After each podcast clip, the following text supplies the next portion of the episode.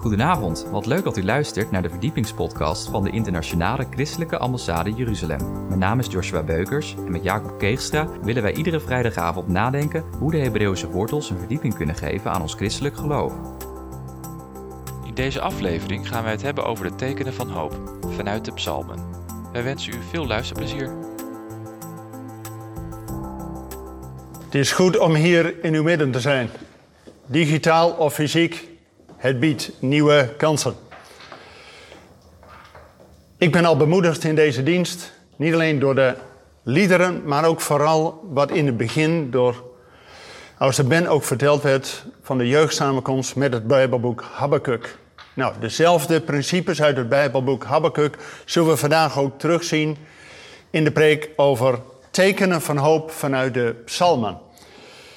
Ik wil u meenemen met twee bemoedigende ontwikkelingen die mij de laatste tijd is overkomen. Juist in deze tijd dat we teruggeworpen zijn op onze kamers, teruggeworpen zijn in ons huis, maar waar we soms door internet wereldwijd verbonden zijn.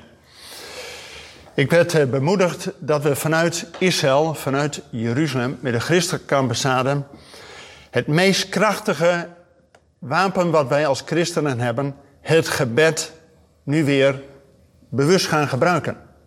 En er is vanuit Jeruzalem een wereldwijd gebedsinitiatief al vijf, zes weken aan de gang.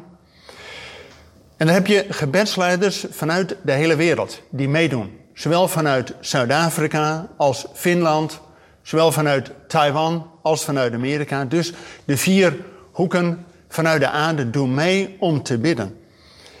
En iedere keer, dat doen we al een week of vijf, zes, komt iedere keer door die gebedsleiders naar voren die bekende tekst uit 2 Kronieken 7, vers 14. En die wil ik graag ook aan u doorgeven.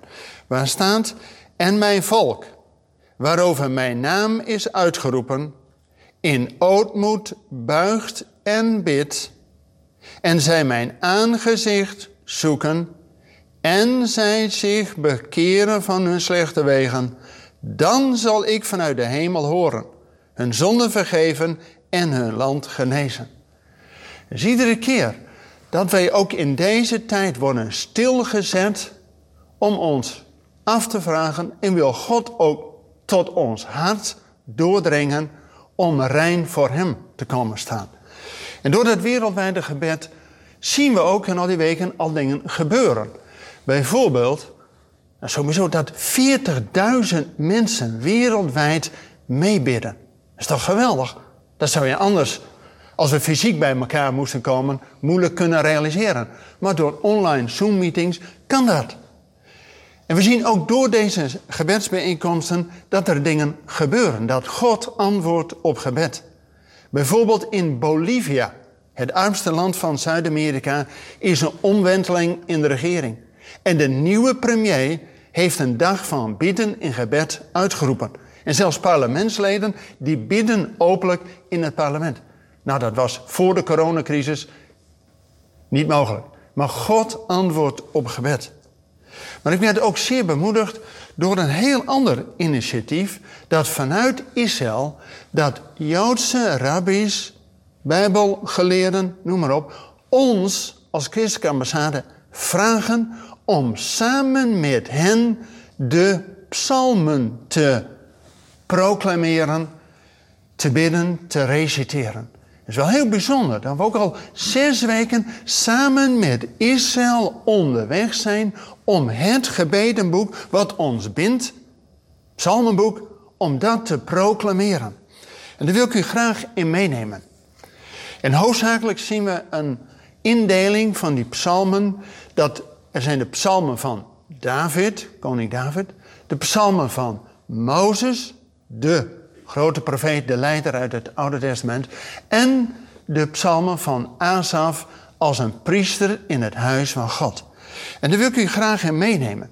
Want een van die psalmen van David, psalm 24, vers 1, zegt al dat wij willen naderen tot God. In iedere samenkomst worden wij ook uitgenodigd. U kent het ongetwijfeld uit Jacobus 4, vers 8. Nader tot God en God zal tot ons naderen. Prima. Maar natuurlijk direct de vraag, hoe naderen wij tot God? En er staat ook in het Nieuwe Testament, maar ook hier in deze Psalm 24, hoe kunnen we naderen tot God? Wie rein is van handen en zuiver van hart. Nou, door deze coronacrisis zijn we opgeroepen door regering, alles maar op, om vooral onze handen te wassen. Nou, dat doen we. Maar om tot God te naderen is niet alleen reinheid van handen, maar ook oprechtheid van hart nodig. En dat staat door de hele Bijbel heen, ook in het Oude Testament, Psalm 24, wie rein is van handen en zuiver van hart. Dus God gaat wellicht door deze situatie tot ons hart proberen door te dringen. Dat we niet alleen de buitenkant reinigen, maar vooral ook door het bloed van onze Messias ons hart mogen reinigen. En als we door de psalmen heen gaan, dan worden wij ook opgeroepen om in deze tijd te schuilen bij God. Verschillende psalmen, en ik noem alleen Psalm 57, vers 1, dat wij bij God mogen schuilen totdat dit onheil voorbij is. En niet alleen door deze psalmen, maar ook al in het gebed. Met al die christenen wereldwijd gaan ze van één ja, beeld uit. En dat beeld wil ik u graag meegeven door een eenvoudig tekeningetje.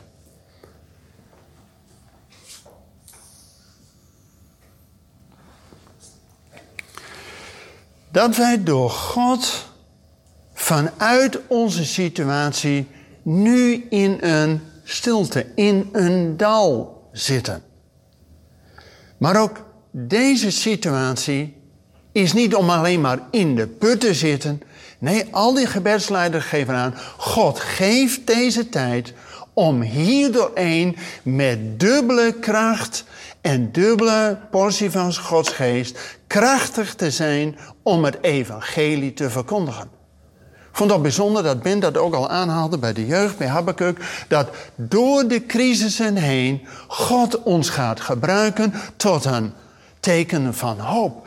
En daartoe wil ik ook deze verkondiging als thema tekenen van hoop uit de psalmen, dat we door de crisis uiteindelijk dubbel gezegend worden. Alleen de vraag is natuurlijk hoe wij deze crisis doorkomen. En als we al bij koning David te raden gaan, verschillende psalmen, dat David ook in zo'n crisis is. Bijvoorbeeld Psalm 54 gaat erover dat David, ja, die had natuurlijk eerst een geweldige positie. Hij was, oh, hij stond echt op een hoogtepunt. In het koningschap van Saul was hij notabene generaal van het leger. En hij was ook nog schoonzoon van de koning. Dus hij had een mooie positie. Alleen dan komt het. Jaloezie van zijn schoonvader. En David wordt ineens als een outlaw bekeken. Hij komt in een crisis. En dan dicht hij die Psalm 54. En dan laat God hem zien dat God hem in een crisis brengt als een transitiefase om van het koningschap van Saul over te gaan naar het koningschap van David. Want Saul was niet op de dingen van God bedacht.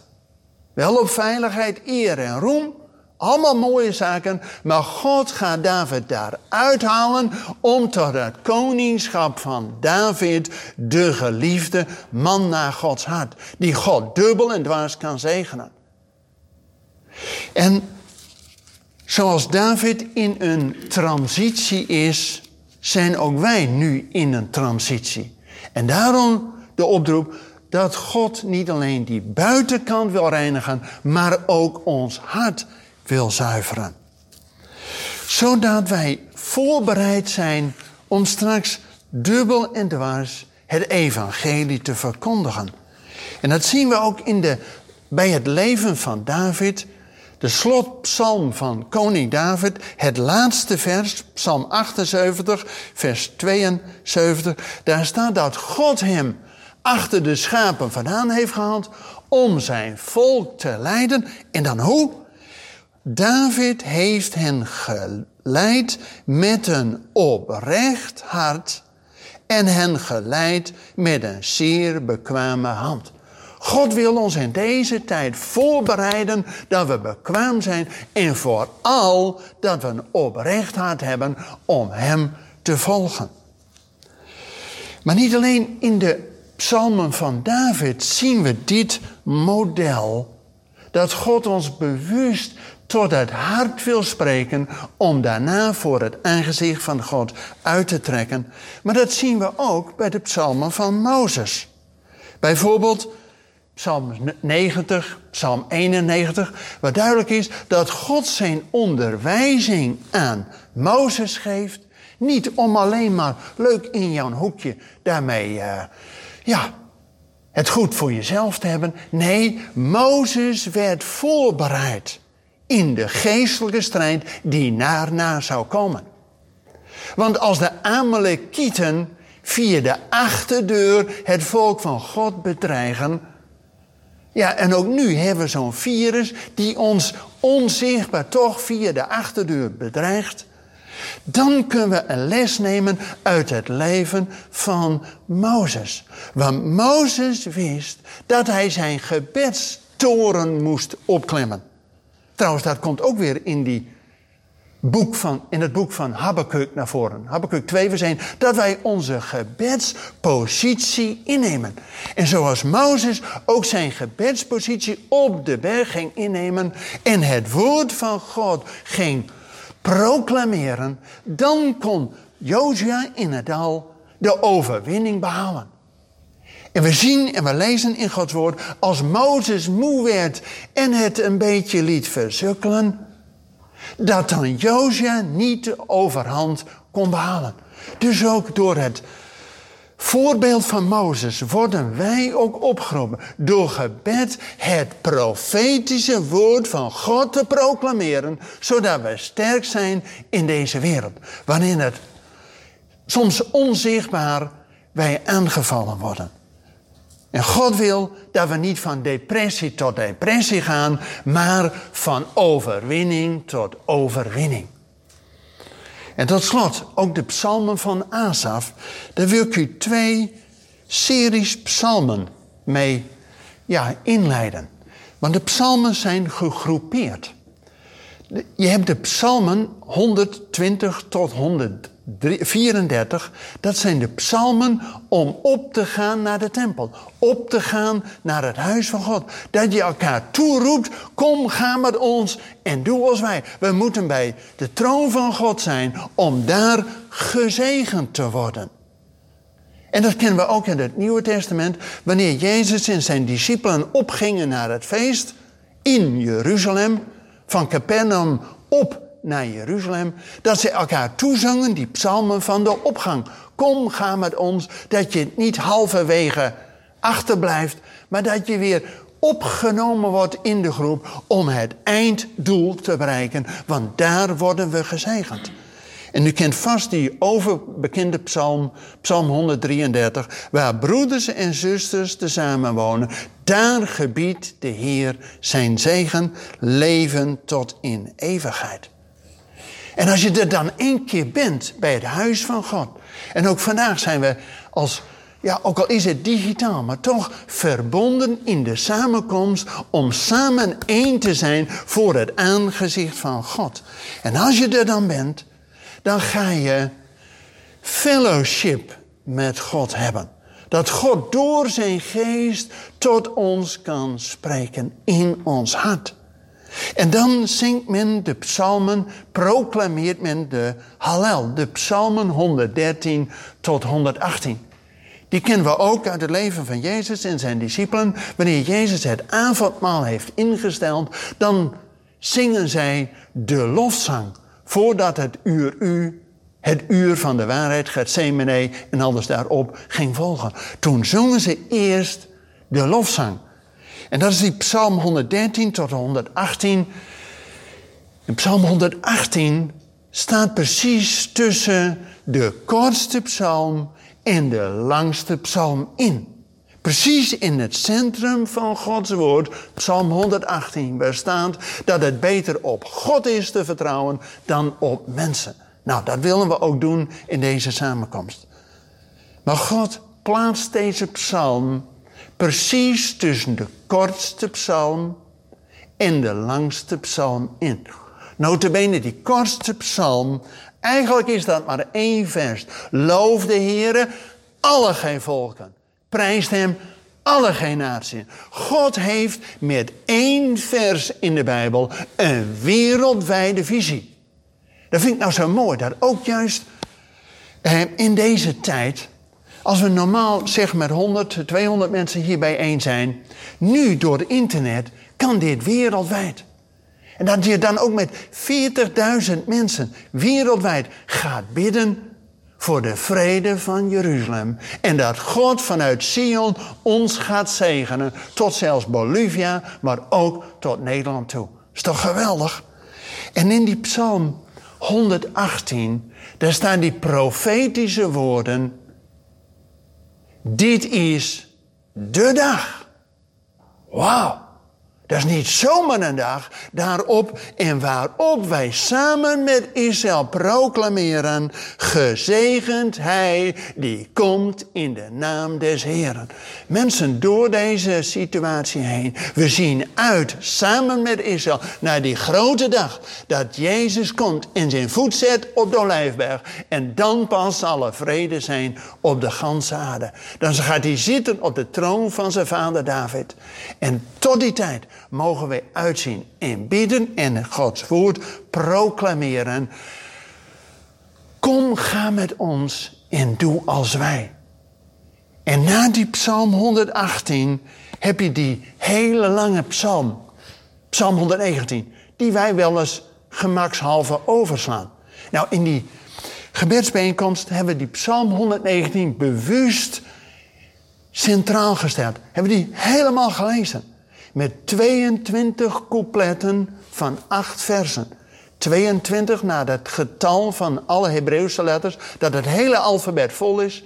En 8 is een getal van de nieuwe tijd, van de Messias. En daarboven staat de vreugde over Gods onderwijzing. Pas wanneer wij door de liederen van de opgang bij de troon van God komen, daar fellowship met de Heer ervaren. Dat Hij ons die nieuwe lofzang in ons hart geeft. Dan pas kunnen wij zijn onderwijzing doen. En wat staat er in Psalm 119? Het openen van zijn woord verspreidt licht. En ik wil afsluiten met die overbekende tekst uit Psalm 119. Uw woord is een lamp voor mijn voet en een licht op mijn pad zodat we weten wat de volgende stap is. Maar ook welke visie God van ons heeft en de weg die wij mogen gaan. Amen of amen. Ik ben zo bemoedigd als teken van hoop vanuit de psalmen. En dat wil ik u graag via deze dienst ook doorgeven. Zodat wij tot een bron van hoop mogen zijn. Amen en amen. Bedankt voor het luisteren naar deze verdiepingspodcast van de ICEJ. Waardeert u onze podcast? Steun ons dan met een donatie, abonneer u of deel deze podcast met uw vrienden of familie. Ga naar www.icej.nl. Volgende week gaan wij het hebben over de geestelijke strijd. We hopen dat u dan weer naar ons luistert. Hartelijk bedankt voor het luisteren en tot volgende week.